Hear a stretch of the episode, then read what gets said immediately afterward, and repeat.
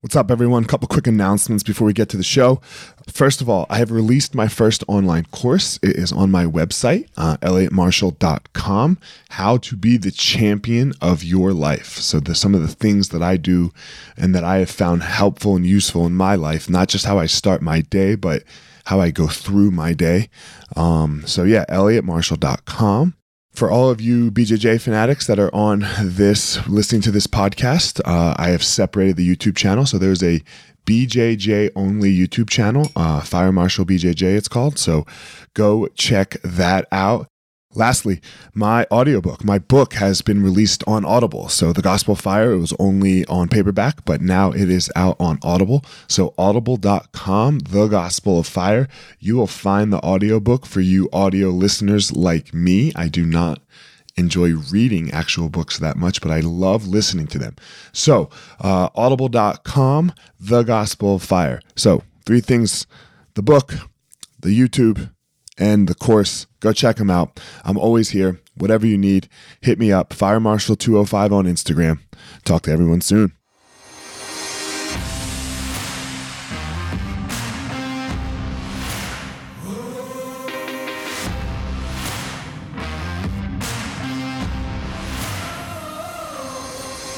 What's up, my ninjas? This is former UFC fighter Elliot Marshall, and this is the Gospel of Fire, where we are going to learn how to go into the fire so that we can find our power and live the best life possible.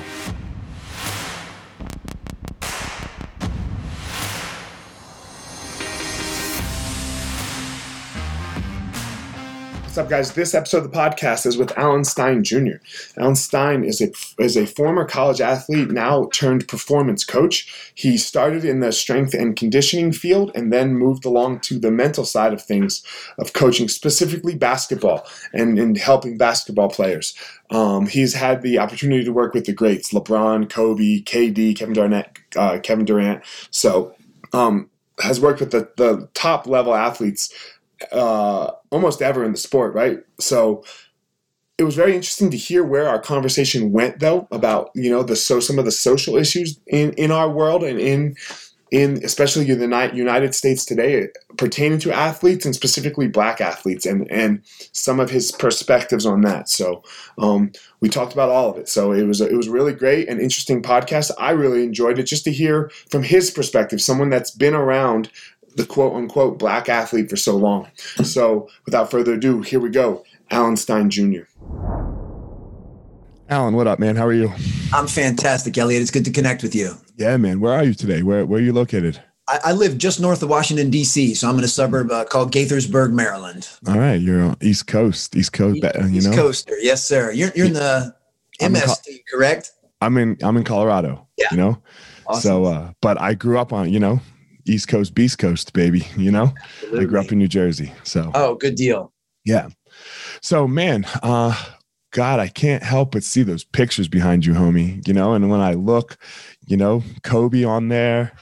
What, man? What was what was that experience like? The like, you know, uh, very rarely do you do people get to spend time with goats, right? Like oh, you, yeah, you know, and he's a goat he's a goat. He most certainly is, and and had a pretty profound impact on my life. And uh, you know, w- one of the things I'm most thankful for is.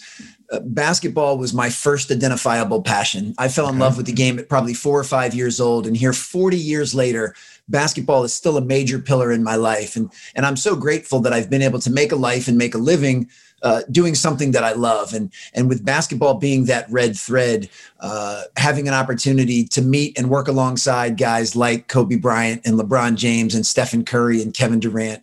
I mean, it was just an absolute dream come true. And and, and I'm so thankful because I learned every bit as much from those guys as I'd like to believe that I taught them uh, as a basketball performance coach. And that was really my role uh, for close to 20 years was helping players improve their athleticism on the court, you know, get bigger, faster, stronger so they could move better on the court, bulletproof their bodies against in- injury.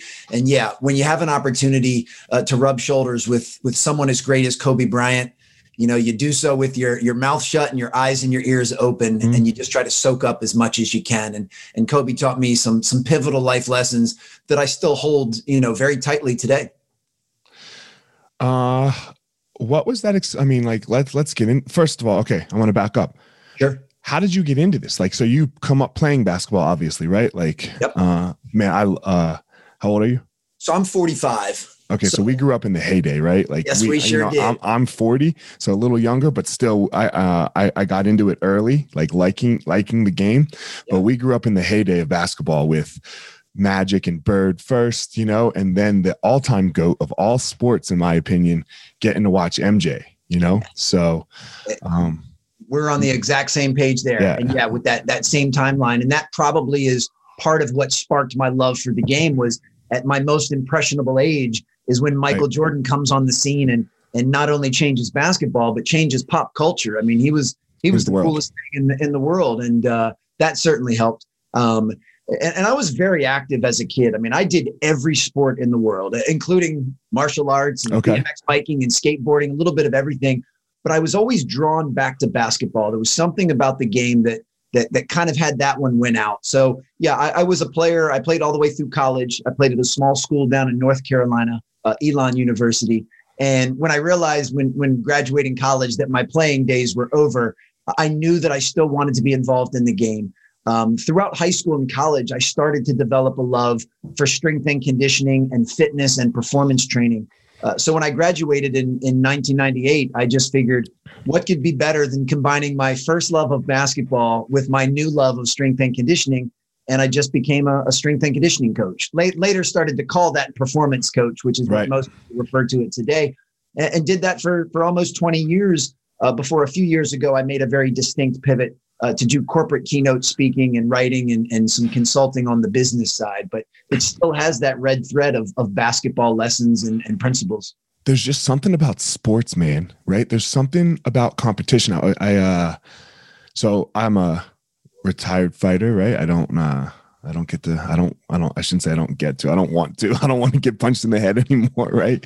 Very um, fair. And I was with a couple of my athletes, my jiu-jitsu athletes the other day. Um, and we were down in Miami. And look, one of like, you know, one of the girls is on her way up trying to be a world champion. And the other girl's like 35 years old and not going to be the best in the world, right? Like the one girl definitely has the ability to, you know, but she's 20. So um, and the week before, I was with my seven year old at his basketball game because my kids love basketball. Like, you know, they're they are into it. Um, my oldest will tell you the stats of the fucking bench warmers. you know? I love that. That's how yeah. I was as a kid. Yeah. So I just love there's something about competition that is the best teacher. And I didn't feel any different from my seven year old, like walking out, like watching him and doing it with him, to the 20 year old, to the 35 year old. And in a week or two weeks, I'm going to walk out for a UFC fight with, with one of my athletes. And it feels the same. There's something about the moment of competition and it teaches what it teaches us. What did that do for you? Like, what was that drive like for you?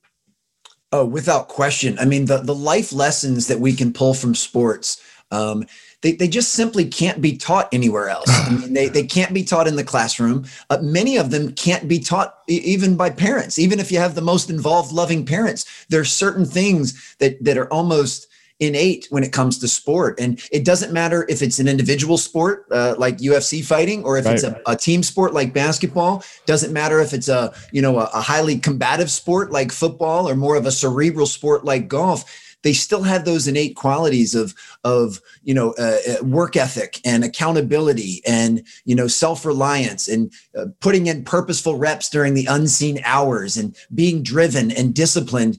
Uh, and these things just reinforce those traits uh, to no end. And and that certainly was part of my attraction to sport along with the competitiveness. Um, but my favorite part about all of that is every single one of those traits transfers to every single area of our life. I mean, the experiences that I had through sport and the the things that I learned, they make me a better father. They make me a better speaker. They allow me to run a better business. So yeah, the, these lessons have such high utility, and you know that's why I, am always kind of on my soapbox, uh, encouraging young people to get involved in sports and stay involved as long as possible. Uh, even if even if they're not going to be world class athletes, even if they're not even going to be able to to make their varsity team or play in college, it's okay. Still play for the love of the game, play for the fun, and play because you're going to learn some lessons that are going to help you become elite you know, in whatever it is that you want to do. It's I liked what you said. You're, you're like, as a parent, the only thing you can do is put them in it, right? Because, you know, uh, and maybe it's not just sport. I mean, it was sport for us. Maybe music does it for some people, but you got to get them doing something, something that matters, something with some purpose, right? And for us, it was sports. My whole life, it's been sports. Um, just, just like yours, I couldn't imagine what the fuck I would do without it. But you need that purpose behind what it is you're doing. Like I'm doing this for a reason, and here I go. And because the truth is, right? Like you got to meet LeBron and you got to meet Kobe, um, that you're like we're not going to be them. A hundred, oh, like exactly uh, not. Yeah. But, so, but here's the here's the coolest part. This is what I found so inspiring. That that certainly um, uh, among many traits, I don't have the genetic makeup to be a, a Kobe Bryant or a LeBron James, but I can still emulate the traits that yes. those guys have. Uh you know and, and, it doesn't mean that i'm trying to be them. It doesn't mean that i try to to carbon copy my schedule after what they do but but i can try and emulate many of those traits. And that's that's why why sport is so invaluable. Um, and that's why you know athletes are some of the primary role models in society today. But but i remember the the best piece of advice i think i ever received as a young person was find what you love to do find what you're naturally pretty good at and then find where those two things intersect and if you can find where those things intersect, that's your strength zone. And and the more time you can spend in your strength zone, the the more you'll more likely you'll be happy and fulfilled and significant. Now we all know about how important it is to leave our comfort zone to improve but I'm talking about spending time doing what you're good at and doing what you love. And for me, that's always been around sport and more specifically uh, basketball. But I have such a strong appreciation and respect uh, for every sport. I mean, I you know I'm not super into football, but but loved watching another goat in Tom Brady. You know, win his seventh Super Bowl, and, and anytime man. I can see greatness in any area of life. But but you brought up a very important question, a, a very important point, which for guys like us, we were naturally attracted to sport probably because of the physicality, probably because we had so much energy we needed to expel. But yeah, I would imagine the same is true uh, in music uh, in the arts if someone is interested in theater. You know nowadays it wasn't available when i was a kid but if you're into uh, graphic design or coding or, or something that has to do uh, with with computers and so forth you know you just need to find as you said so perfectly your north star and something that you love and then be able to unpack the the traits needed to be able to excel at it. Yeah it's it's so important. Um i, I and, and, we're coming back to sport here. The the great thing about sport is it keeps you healthy, right? Sure. Like to play the sport, your body looks good and and all of that. Real quick on a Tom Brady story, another go. I can't stand him. You know, I, and and and everyone I keeps asking me lately why I can't stand him. I'm like, look, he's so good. He's the best ever, and he never played for my team, so he was always beating my team. So that's why I don't like the guy, right? Like that's it's competition still. Of course. You know, I was walking out of a UFC event uh, backstage, right? One of my fighters had fought. And I'm walking out, and I have this rule of like us, like with celebrities, like I don't, I, I hate people that are always picture grabbing, you know? Yeah. So I'm like, all right, I take pictures with goats and goats only. So the Jordans, the Tysons, the the Arnold Schwarzeneggers, if you're a goat, right? Of of your field. So yeah. I'm walking out and Tom Brady's walking in, and we're like, you know, 20 feet from each other. And as I'm walking, I'm like, God damn, I hate that fucking cocksucker.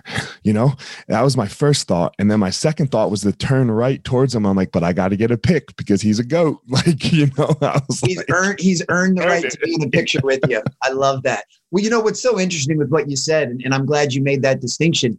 It, you don't have to like someone to still respect their excellence in something. I mean, they're, you know, I mean, that you, you name any um, anyone that's achieved achieved a high level of success, they're going to have their detractors, they're going to have their haters, but mm-hmm. there's there's just no way to argue that type of sustained greatness. And to me, you know, I know everyone loves to have the Jordan versus LeBron debate, and, and I'm in your camp. I, I think Jordan is the greatest to ever live. However, I would never want to discount what LeBron is doing, especially from a, a, a, sustained longevity standpoint. I mean, dude is closing in on 20 years in the NBA, and he's as good now as he has ever been. And, and I think we can say the same for Tom Brady. Yeah. That is just remarkable. I mean, you know, I, I was joking around with someone the other day. I mean, I'm I'm 45 and I hurt my back sneezing the other day. And Tom Brady's 43 and winning his seventh Super Bowl, Dude. and I'm in pretty good shape for yeah. a 45 year old. It's like it, it's some next level stuff. So yeah, I, I can't even play basketball with my kids anymore, man. If I if I if I like play play basketball, like make cuts, yeah, uh, my feet, my knees, my and I'm not out of shape. Oh right? no, yeah. yeah. like it's, it's one of those things though. It's once you stop. Yeah. It's once you stop doing it. Like uh, one of my I, I know for fighting, right? Like I do, I still do jujitsu and that's great but like because that's my passion that's where i started. But like uh fighting like even like somebody kicking my arm which used to be a nothing thing right? It happened every day and now i'm like oh god that hurts so fucking bad right? Because it hasn't happened to my arm in a decade. Yeah. So it's one of you know it's one of those things. Um the the man one of the things that i think separates lebron out and i want to talk about this piece because i know this is where you uh, you spat you you talk about now with your stuff. Um, Jordan's the goat for sport. LeBron's the goat as a human. Oh, I like that. And, and his leadership ability, what he has done for people in his communities, and how he's able to lead. Right, like there's um talk and and I think Tom Brady as a leader, you know, he hasn't done as much for the human side of like he's not like out there like building schools right. and shit, right? Talk about that, but that's I'm sure is what you're talking about when you go out and you talk about like keynotes and, and business oh, leadership, oh, right? Sure. Like this leadership aspect. How do you develop leadership qualities? How are you able to develop leadership qualities? And what were some of the things that you saw in these guys that made them such amazing leaders?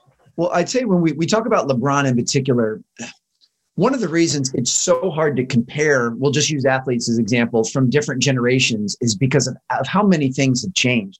I right. mean, on an acute level, the NBA has changed so many rules from when Jordan played to when yeah, LeBron plays. Yeah, I mean, it's you know, I mean, like you said, you and I grew up in the heyday. The, the Bulls are playing the Bad Boys Pistons. I mean, Jordan would get beat to a pulp and they would barely call a foul. And now, you know, if if you you breathe on somebody, it, you could get a flagrant two and could get ejected. Right, so the right. rules are different.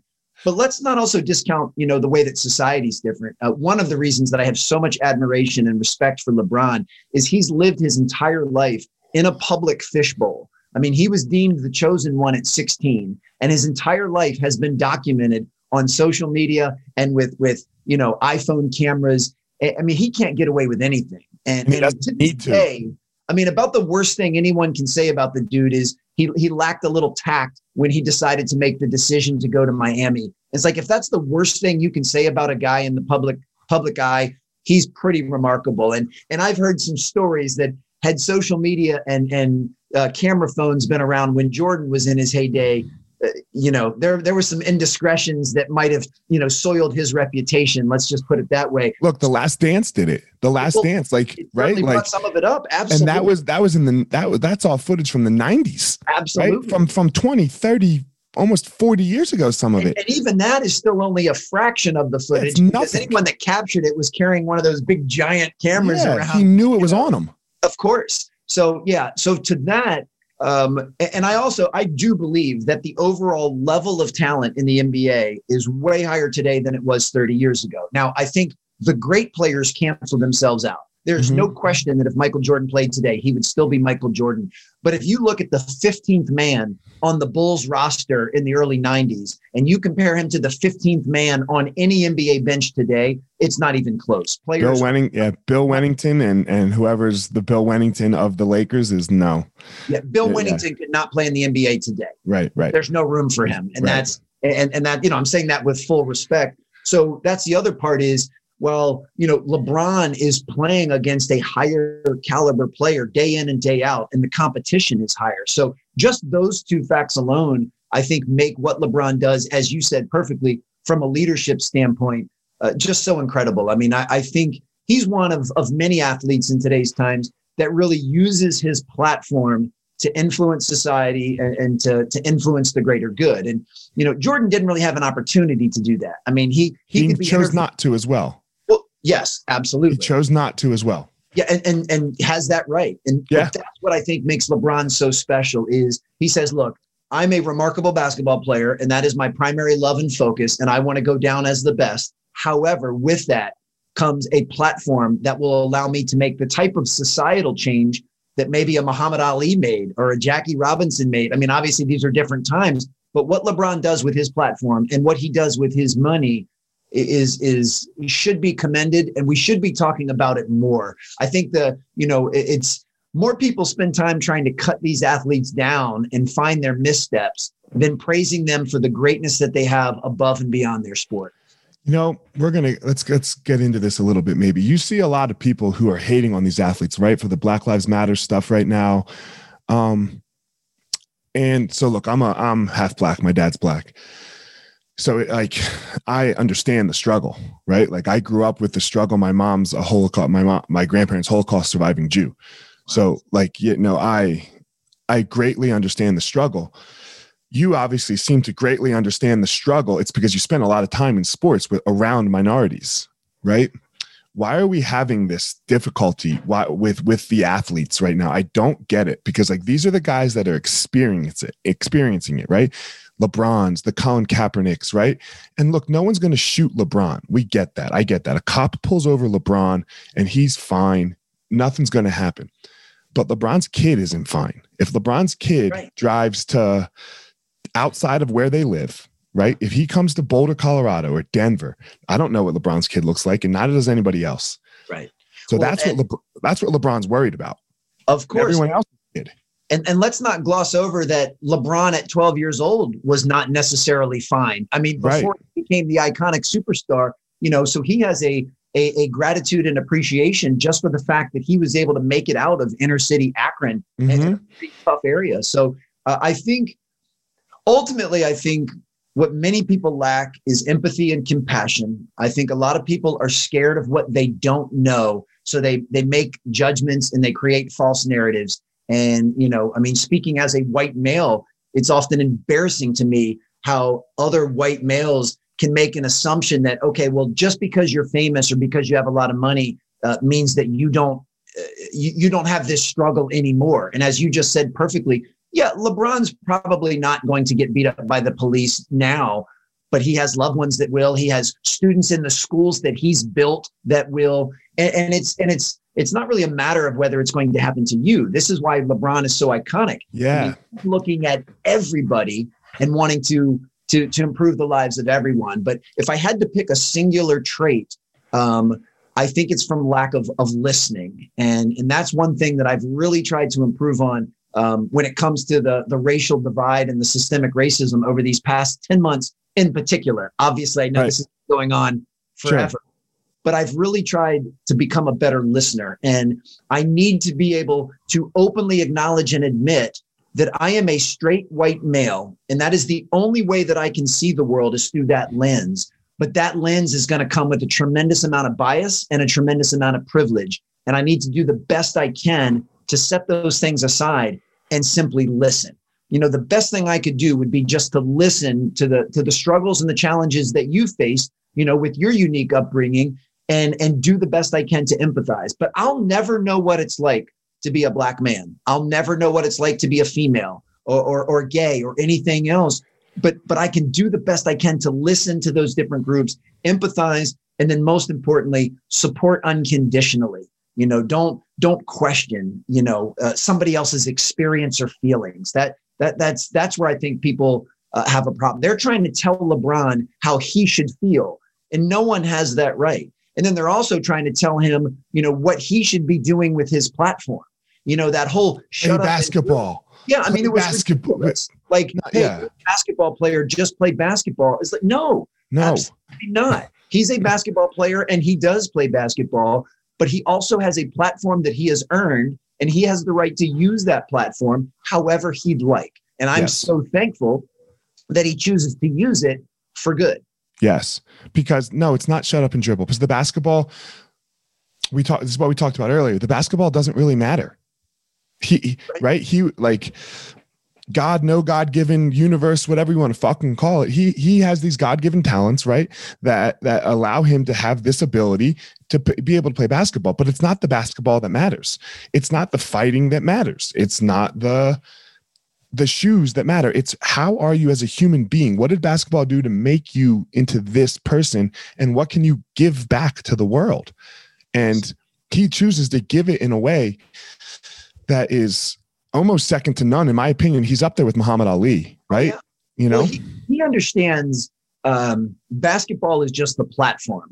Mm-hmm. Basketball is what has given him the notoriety that will allow him to make the change, and and he understands that, and he has his priorities uh, in perfect order. And you know, but but even guys like you and I, I mean, we have much smaller platforms. Yeah, for sure. But we still have a platform. I mean, this podcast is a platform, and you know, if you're using it to improve lives and to fill other people's buckets, then that's what we should all be doing. And that's, you know, I, I hold that very sacred in my life. I mean, my my small but loyal social followings and my podcast listeners, you know, I want to make sure that I'm using those to improve lives. And and the more people that can do that, uh, the better. But we do live uh, in a cancel culture. We live in a society that tries to cut everyone down. We live in a society of of so much fear and insecurity it's like, you know, I, I'm so fearful and insecure of some of these movements and things going on that the only, because I lack emotional intelligence, the only thing I can do is lash out or, or try to dismiss it or cut it down. And, and I, I just don't believe in living that way. I, I want to no. be as open and as supportive as possible. It doesn't mean I agree with everything, but just like you said, you can not like Tom Brady, but still respect his greatness. I might fundamentally disagree with you on a principle, but that doesn't mean I can't be civil or respectful or uh, you know appreciate the fact that you're allowed to have a different opinion than me. And that's that's to me what makes the world such a great place. I, I don't i don't want to insulate myself with people that walk and talk and think exactly like i do. I mean i go out of my way to read watch and listen to contrarian viewpoints to what i have if nothing else just to educate me more on on other viewpoints. And sometimes that sways my opinion. Other times it actually strengthens my convictions, but I want to stay open. And I think that's one of the other things that's contributing to the problems we have in the world is everyone just like, especially on social media, just likes to insulate themselves with people that think the same. I think that's one of the reasons this political divide has gotten out of hand is because if you only surround yourself with people and you only watch news outlets and social channels that reaffirm what you already believe, then you dig your heels in and you think everybody else is an idiot. And, mm-hmm. and I don't I don't believe in that. I think there's two things going on uh, with the with the social climate and the political climate a little bit. Like if you want to look at like for example the Trump effect, um, he the the the left a little bit, right? Like what you said, this cancel culture. Like you have to be so perfect, right? Like you like you know LeBron. Like we'll use the LeBron example and the decision. God, okay, so he did it wrong a little bit. Everybody chewed him apart, right? It's like, come on, he's a 20, what was he, 22 at the time? He was young. right? Maybe 24. I don't even remember, you know, some, but somewhere in there. I mean, everyone chewed him apart. Even his fans destroyed him. And you're like, and so this Trump thing, Trump comes along, in my opinion, and he's not perfect. He's this total piece of shit. And he screams it to the world. So like when you're looking at John Q over here, you know, mostly John Q white guy, right? Uh, he goes, man, the the other side's making me be perfect, and I know I'm not perfect. Like I can't be perfect. And this guy's saying that he's a piece of shit. And why don't I jump on the bandwagon and be a piece of shit too? You know, not that these people are pieces of shit, right? But like no, they don't have to be perfect. Of course. So right like we have to get away from this perfection and just kind of accept each other a little bit for our flaws as well and and move through them. Yeah, and, and without a doubt. that, and, and I love the direction you're going. And to me, all of that starts with something else that a lot of the country seems to lack, which is extreme ownership and full accountability for yeah. ourselves. Yeah. You know, I mean, uh, to me, the foundation of having a winner's mindset is simply saying, look, I'm going to do the best I can with what I have where I am. You know, I, I realize that there's not a level playing field in the United States. I get that. You know, there's some areas of major affluence, there's some areas of major poverty, there's some areas of major privilege, there's some areas of major racism. I, I, totally can see that. But as soon as everyone accepts full responsibility and says, I'm just going to do the best I can with what I have, no matter where I am, and they don't blame, complain, or make excuses, that's the first start. Now, with that said, I don't ever want to sound insensitive or tone deaf. I realize that is very easy for me to say because I've grown up in a life of privilege. I mean, right. I, I, come from a two parent household, you know, middle America. I, have never had to fight for a meal or a coat. Like I, I realize how how grateful and thankful I should be. And that's very easy for me to sit here and say, that someone that's growing up in a you know a, a, a more poverty stricken area should be able to easily adopt the same attitude. That's not the case. It's not the case. But it right. but it's still something that everyone needs to aim for. And and I think part of the issue is if you're always blaming someone else for the reasons that your life is not going the way that you'd like it to go, then you're just going to kind of follow the, the next thing. You're going to kind of follow the crowd. And and if if you think that the man has been holding you down, let's just say politically, and then someone comes along who kind of says, "Well, I'm not the man," then it's easy to jump over to that that bandwagon and say, "Okay, right. well, if this person's been screwing me over here, I think I'll jump in on this on this bus, and maybe things will be better." But then that ends up becoming a habit, and people right. just are constantly just jumping from thing to thing, and and that I think can be be an issue. So the more we can hold ourselves accountable for our own attitude and our own effort. I mean, we don't control what's going on in the world. And this is not about accepting racism or accepting massive political divides or, or things like that. It's not about accepting it. We need to take steps to change it, but it's about holding ourselves personally accountable for the decisions that we make and, and the effort that we put forth and the way that we respond to stuff. And, you know, that's why I was so impressed during, uh, you know, the height of a lot of the uh, uh, protests. I was so impressed with the civility and the respect that people would gather to voice, you know, to, to, to share their voice. And they did so, you know, with love and with grace and with care. I mean, it was it was brilliant. And yeah, of course, there's going to be some outliers in any walk of life that do things a little bit differently. But overall, you know, uh, the way people kind of came together, uh, especially behind the whole Black Lives Matter movement, and and were able to do so peacefully and respectfully and with civility, I, I thought was one of the greatest things I've ever seen. It was so important, first of all, in my opinion. And two, it was, uh, you know, I think, I think, like, for example, everyone thought this was over with Obama. Like, Obama gets elected, black guy's president. It didn't end, right? If you just talk to John Q, you know, like, you know, like the Concat, like the, I mean, George Floyd showed it didn't end, and there was a lot of other things that showed it didn't end. It, it didn't end right? It didn't end and it, it got brought back to light for us. And I agree with you. Most of it was very, very civil and very, very peaceful as it was supposed to be. Now, obviously, there's always going to be outliers, right? And I don't care if it was Antifa or look, we don't even have to call it Antifa. It could have been one of the protesters. That happens. Of course. Right? That happens. People, but you you have to look as as the whole not not yeah. the not the small. Well, that, the, the problem is we as a society we and especially the traditional media and even social media focuses right. on the outliers. Outliers. So they focus on the people that are screaming the loudest, and we we miss that you know the bulk of what goes on is usually not what's shown. I mean, you know, if you just break it down to the simplicity of uh, media's job is to sell advertising. That's how they make their money, and you sell advertising by getting eyes and ears. And you get eyes and ears through shock value these days by by blasting the most controversial stuff. And that that system is what's kind of kind of polluted you know what we see and what we hear. And then that's only magnified on social media uh, because the, the the ai and these algorithms can see that when you click on a link uh, about something now it's going to start showing you more of that same thing so you know that's one of the things that i, I hope people's eyes are opened up to that uh, you and I could both click on our Facebook pages right now, and we're getting completely different feeds. Oh yeah. In your Facebook feed is not the same as what I see on my Facebook feed, and and if if you're watching one news channel and I'm watching another news channel, they're reporting the same incident in a very different way. Very different way. And it starts to again, it, it starts to to propagate this these it's issues that we're having. So we it's have to be very careful with what it is that we're consuming and um, how often we consume it.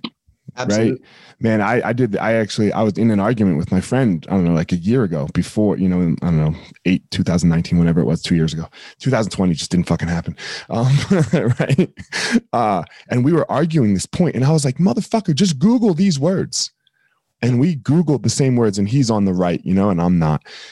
And we couldn't find the same article till he found my top article, seven yeah. pages into his article. Like what came up first for me, like it was the truest because that's what we know, right? With this social, right? Like whatever's on top is the, is the is the true. It's not the same. It's not the same, no. and it's not and the same. And this is very dangerous. A, a, lot of it has to do most certainly with with search history and other. Yeah.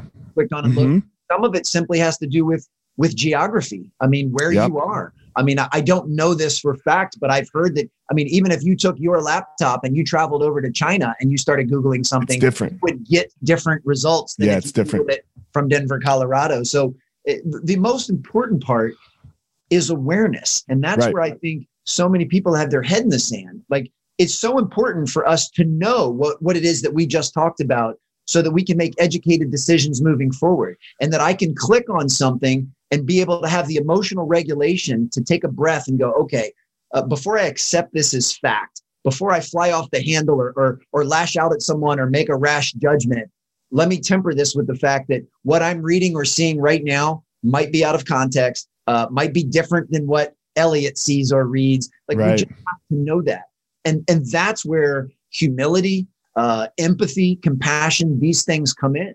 I mean, if if for the last two years everything you've clicked on and everything you've watched is supporting this one belief system, and it's the opposite of what I've been watching or clicking on, then then we've already created this divide. And unless we're willing to say, look, uh, Elliot, I realize you view this slightly differently than I do, and man, that's okay because I respect you as a fellow man to have these thoughts. We may, and, and we can have more of a civil, friendly discussion and debate instead of this screaming in all caps in this cancel culture. And that that is what I wish we could work more towards. And with that said, I mean this this again, I, am not saying that that I would sit down with a white supremacist with empathy and compassion and right. be able to have an open di- uh, Again, now no. we're talking outliers. I'm right. talking about the general things that happen, which is for the most of us, I actually think we have more things in common and more similarities than we do differences.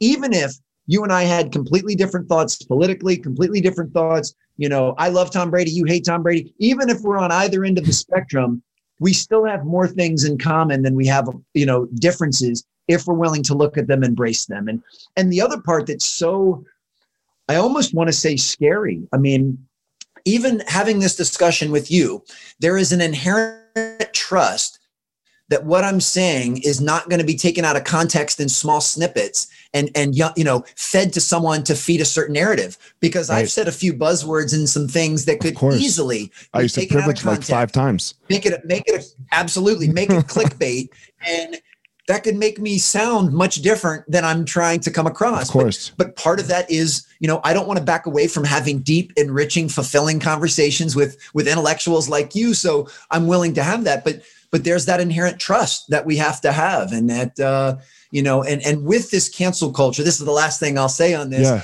is I think we also have to allow room for people to grow and for people to evolve. And, and part of what I find really bothersome is that let's just say you were up for some type of an award. They're going to put you in the UFC Hall of Fame, and someone digs up a tweet that you posted eight years ago, and maybe it wasn't your best look. Maybe right. you said something you probably shouldn't have. And they're going to try to use something you did eight years ago to, to prevent you from doing something today. When, in my opinion, if you just said, look, I said that eight years ago, I take full responsibility. I should not have said it, or, or I've grown since then, or I've changed my perspective. I apologize for anyone I've hurt. Then it should be over. I, I, I think we should, you know, you should not be tied to something you said or did eight years ago if you've been mature enough to actually grow from the experience. When we look at that, when we look at, okay, so we look at eight years ago, right? This is a great point. We look at eight years ago, uh, 2000 and seven, uh, what is it, 13, right? And now we look at 2021. Are you the same human? Well, then, okay, we can still hold you accountable. Right. This is so simple. I don't understand this. Okay, so you said this in 2013, and now we're in 2021. Oh, my Lord, you have totally changed. You have totally changed who you are. All right, cool. You're, you're straight, man. You're good to go. Let's go. That's the whole point of like the prison system, isn't it? Like you go to jail. It was supposed to be the whole point of the prison system. Yeah, oh, you go to jail. Test on that. Yeah, I know. you go to jail. You hopefully pay for your crime. Yeah. You come out and you. We try to. We. God, I'm. I'm just not right. You. Supposed to reform you, right? You come out and man, hopefully Bernard Hopkins. Bernard Hopkins was a terrible person. Went to jail, learned how to box, comes out, world champion, doing great for people. Are we still going to punish him for what he did in the early, in the late 80s, early 90s? I hope not. I would hope not too. I would But hope not. Sadly, that's what some people do. And that's what makes living in today's time so much more challenging because everything is documented and there's a digital footprint. Uh, even if I tweet something and delete it three seconds later, it got still you. lives out there at some point. They Someone- got you. someone much smarter than me would be able to find that that tweet. And you know one and this is one of the main lessons that i try to teach my children you know is is to make sure that you're being incredibly responsible with what it is that you put out in the world. Um, but but you know i i just think that's that's a, a trap. Everything we're doing is documented. Everything's being watched and being listened to. And we have to understand there's we need some room for error uh, we're all going to say some boneheaded things and make some boneheaded mistakes. And as long as we hold ourselves accountable, we don't shift blame, uh, we apologize and make amends if appropriate and if applicable. And then we say, look, I've grown from this. I, I love that you brought up that point that, you know, I'm not the same man I was 10 years ago. Thankfully, if I was the same man I was 10 years ago, I just wasted a decade of my life. So I'm glad that I've grown. And I'm hoping that some of the things that I think and believe now will mature and evolve 10 years from now. I hope the 55 year old Alan is certainly not the same man that you're talking to right now. So we, we need to embrace that. And we need to, you know, we need to honor when someone has the humility and courage to say, hey, I was wrong. Uh, I, I, you know, and, and that's incredibly, incredibly important. And look, bringing this all the way back to sports, that's what sports does. Yes. No one plays a perfect game. No one. No one plays a perfect game. And what happens is, is your teammates rally around you. You have good people around you that pick you up and say, no, we can do it better. Right? We can do it better. We can be more skillful. Forget about that. Right? Don't forget about it in the sense like it didn't happen. Yes, you threw the interception. I think Tom Brady threw a pick in the Super Bowl, right? Yeah, I think he did. Right? But it's okay. His teammates are there. He's got a team behind him of a group in, in that instance of men that he really trusts and that will hold him accountable still, right? And then he'll move on and learn from it and become the seven time Super Bowl champion, all in that microcosm of a moment, right? All in that, I don't know, what was it, four hour time, Yes. you know? We need to extrapolate that out. Yes. Right. We need to extrapolate that out. We need to be there for each other, you know, as a as a as a group, you know, and then even smaller, Oh, you yeah. have a team of people around you that is your team that will always be there to pick you up. Yep. And and oh man, I'm gonna my friend, uh, I have some very religious friends, and they he sent this to me, and it was amazing the other day. Awesome. Uh, I'm gonna find it here. What did he say? It, uh, wounds from it's Proverbs, Proverbs 27 6. Yep. Wounds from a friend can be trusted, but an enemy multiplies kisses. Wow. And that's what we have to do, right? Like, man, you have your group. If my friend, I have to be able to accept information, my downfalls, my mistakes from my friends, and not take it as this major wound, as this, like, oh my God, you're stabbing me in the heart. He's just there for me. And I need to be there for him. And we need to be able to listen to that, yes. right? Because the only people that tell me how amazing I am are people that don't really know me. you know? Definitely need to listen, and we need to listen without judgment, uh, Mhm. listen without expectation. You know, a- another, and it's funny because to my core, I consider myself an incredibly optimistic and positive person. And, and now I realize that most of this discussion, I've kind of been poo pooing on everything that's going on in this country. And, and I don't really believe that. I do believe, yes, we've got some some thorns in our paw that we need to take out as a society. But I still believe in the greater good of humanity. I still believe that most people walking the earth are good people. Now, many of them are misguided uh, for a variety of different reasons, but I do believe that most people are good people. And one other area that uh, we all need to make improvement is is to not make assumptions, and that when whether we're talking about Black Lives Matter, the political divide, anything, it's easy to make an assumption. I mean, And a MAGA guy, right? And a guy with a MAGA hat on, right? absolutely, or, Yeah. or or wearing a mask or not wearing a mask, Right. make an assumption that based on this one instance, I can already predict who your political affiliation is. And if I know your political affiliation, I probably know your religious beliefs. And then I know what you believe about guns. And if I know what you believe about guns, I know what you believe about this. And it's like, man, you, you just took a snapshot from someone and you think you know every single thing about them. And we have to learn how to to lower that. I mean, you know, I, I know people on either end of the political spectrum, and they're not all the exact same on either end. They even have some differing beliefs within themselves. And you know, I, I, know I know have have friends from a variety of different races and backgrounds and religious beliefs, and it's the same thing. I don't think I can put any of them in one singular box, box. and predict everything that they think. There might be some commonalities among them, but yeah. So I, I think that's another thing we have to learn to do uh, is listen openly and empathetically without judgment, and do our best not to make assumptions and when we can do that, we, we give the other person the respect of, of taking them at their value and at their merit and without us kind of polluting ourselves and thinking what we know about somebody else. And maybe I'm coming across this person on their worst day of their fucking life. Of course. May, you know, maybe it's the worst day right? Maybe I'm interacting with the guy at the grocery store and he just found out that his wife is cheating on him, his kid has cancer, and his mom, you know, like, and he's just trying to get some gas and we bump into each other and he says, fuck you to me. Yes. Right. Like, because he's taking all of that out yes. in that one moment in a very unskillful way well, it's you know, my choice how I how I deal with that human in that moment. Absolutely. Do I have to say fuck you back? Like, because maybe I just got a raise from my boss, yeah. and you know my my you all the great things in the world that are happening to me, and we're just we're here and here, right? And we're gonna make I'm gonna make a judge on Alan, and never right. come back from it.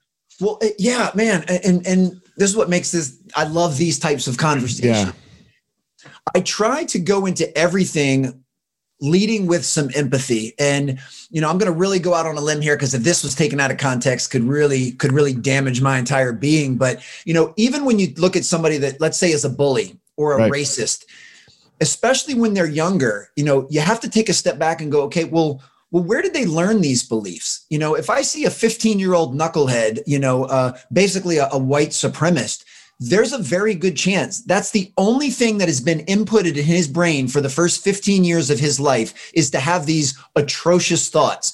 So can you really at that point we should have a little empathy that hey he he hasn't had much control over that. If if he grew up in an insulated area where the only people he talked to, the only people he saw, the people that raised him, the only things he watched were all preaching this narrative to him, we can't be that surprised that he doesn't have these worldly views. And same thing with a bully. Like I have even when he gets to 40. Well, or, or yeah. And again, this is in no way, shape, or form am I condoning racism or saying these thoughts are okay. However, I think it's important from a human to human standpoint to go, look, I think your belief system is absolutely disgusting and atrocious. However, I can understand why you think that.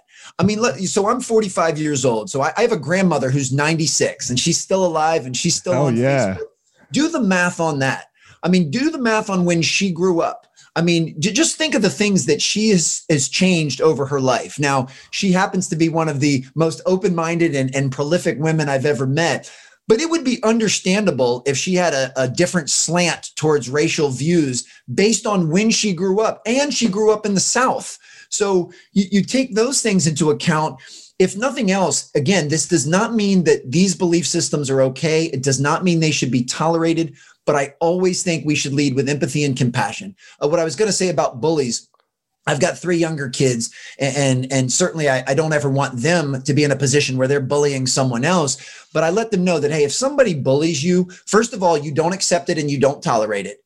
However, I want you to know that the reason that person is bullying you is because they're really hurting on the inside, that there's something in their life that they hate about themselves so much that they want to take that out on you. So uh, while I don't want you to ever tolerate bullying, if you see it happening to a classmate or a friend, you tell an adult or you intervene. I mean, if you got to turn around and pop them in the nose, I got no problem with that. However, from human to human, I want you to know that the only reason this person is doing that is because they're hurting so bad.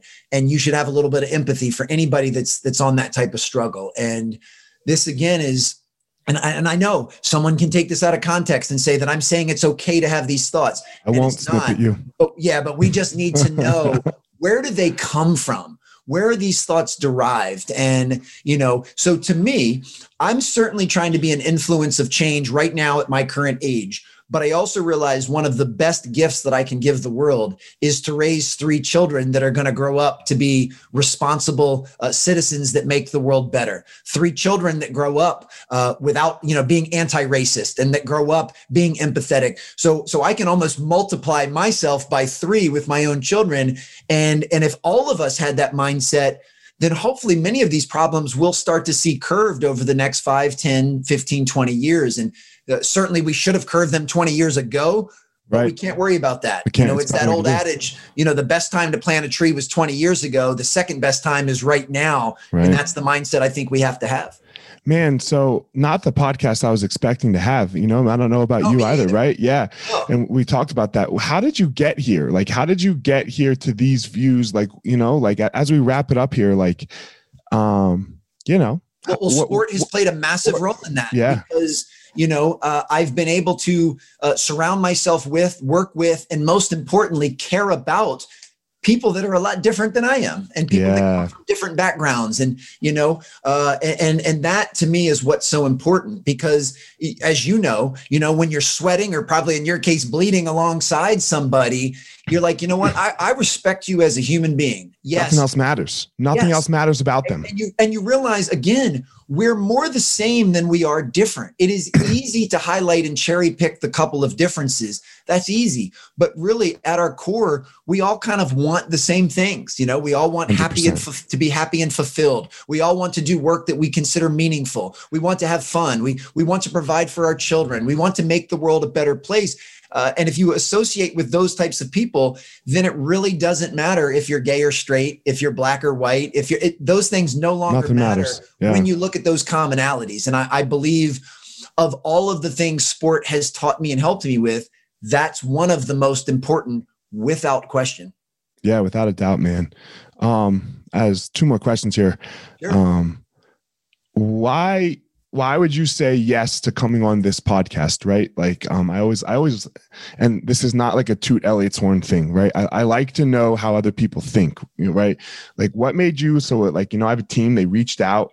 What made you go yes to this one and and and and i have time for and because you know we all get hit up a ton like social media lets anybody hit you up right? So why yes when, I was a young coach, uh, a basketball mentor of mine uh, gave me a piece of advice. He said, Alan, never say no to a basketball opportunity. And, and I, I asked him to clarify. And he said, you know, when you're a young coach, uh, say yes to everything because you have no idea what that will lead to. You, you say yes to something that appears to be a very small opportunity, but you don't know who's going to be watching or who or what this could lead to. And of course, as we get older, you can't say yes to everything because every mm-hmm. time you say yes to one thing, you're saying no to something else. But because my primary livelihood is as a keynote speaker and, and on stage, I travel a ton until the pandemic hit. You know, I have more discretionary time, you know, during this past 10 sure. months than I've had before, which means I've kind of opened up um, Pandora's box and I'm saying yes to a lot more things uh, because you never know what it'll lead to you know, first and foremost, you know, now I feel a kinship with you. And yeah. I'm going to really dive in and, and, listen to your episodes and follow your work, uh, champion your work to others. But I also have no idea who's listening to this right now.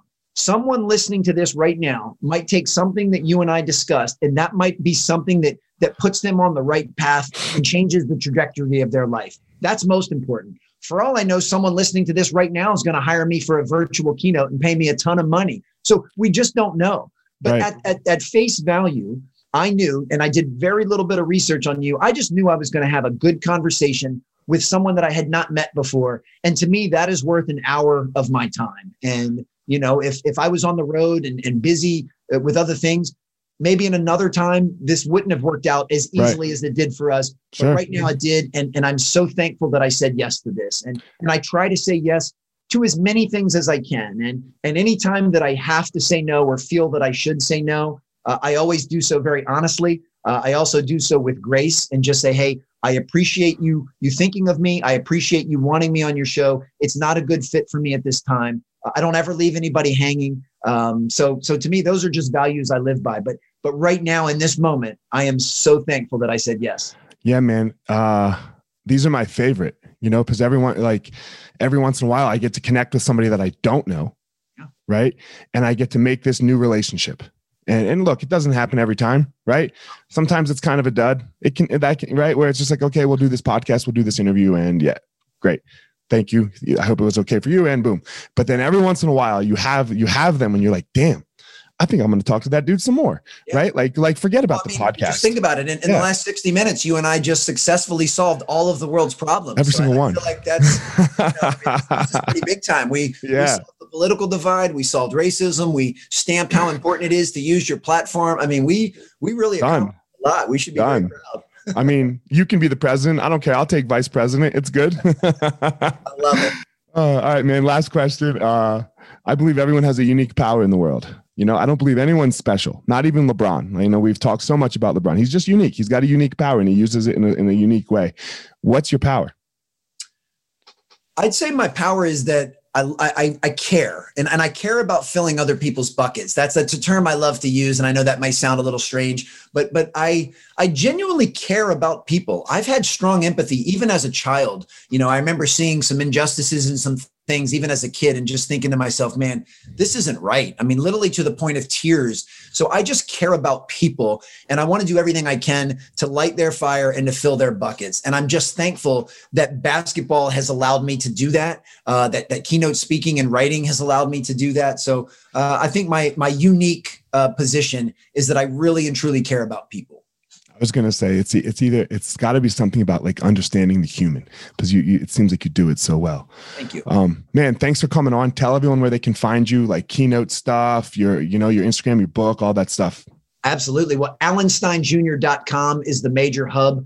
Uh, you can find everything you need there. Uh, you can also go to strongerteam.com for some additional resources. And I'm really easily found on social media at Alan Stein Jr. Uh, hit me up on Instagram. Uh, drop me a DM if there was anything Elliot and I talked about that resonated, or even if there was something that you disagree with and you'd love to debate.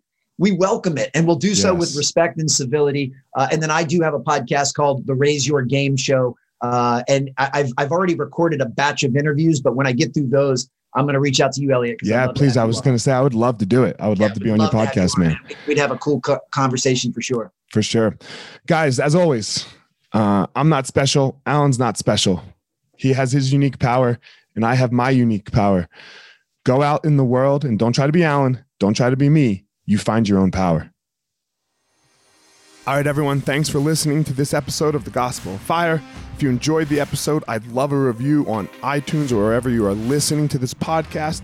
Don't forget to follow me on social media at Fire Marshall 205 if you are a BJJ enthusiast, check out my YouTube channel. I put all kinds of instructional DVD uh, videos out on there, so go check it out. My book is still out on Amazon by the same name as the podcast, The Gospel of Fire. So if you are interested, go check out that. And most importantly, guys, go out there every day, find your power. Thanks a lot. Guys, look.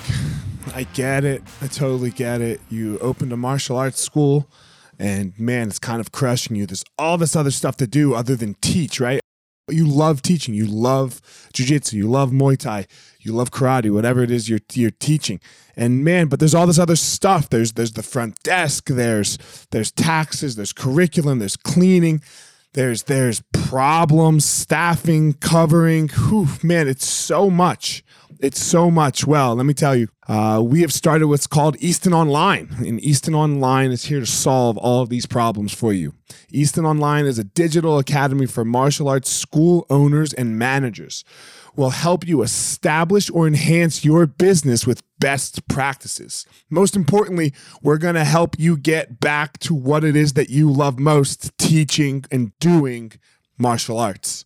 Okay. So for more information, guys, go to easton.online. Again, that's easton.online. Add your email. You're going to get notified about the course launches. Our first course is going to be all about the first impression specialists, your front desk, and all kinds of stuff, special offers, promotions, as well as we started a podcast by the same name, Easton Online, that's going to talk about our process of how how we went from a tiny little martial arts school to what is now seven martial arts schools, seven Brazilian Jiu Jitsu Muay Thai schools, um, in a very holistic way that we believe um, kept the integrity of the art and also deals with its people very well. So again, Easton.online, enter your email, and you're gonna get all you're gonna get everything you need right there. So thanks, guys.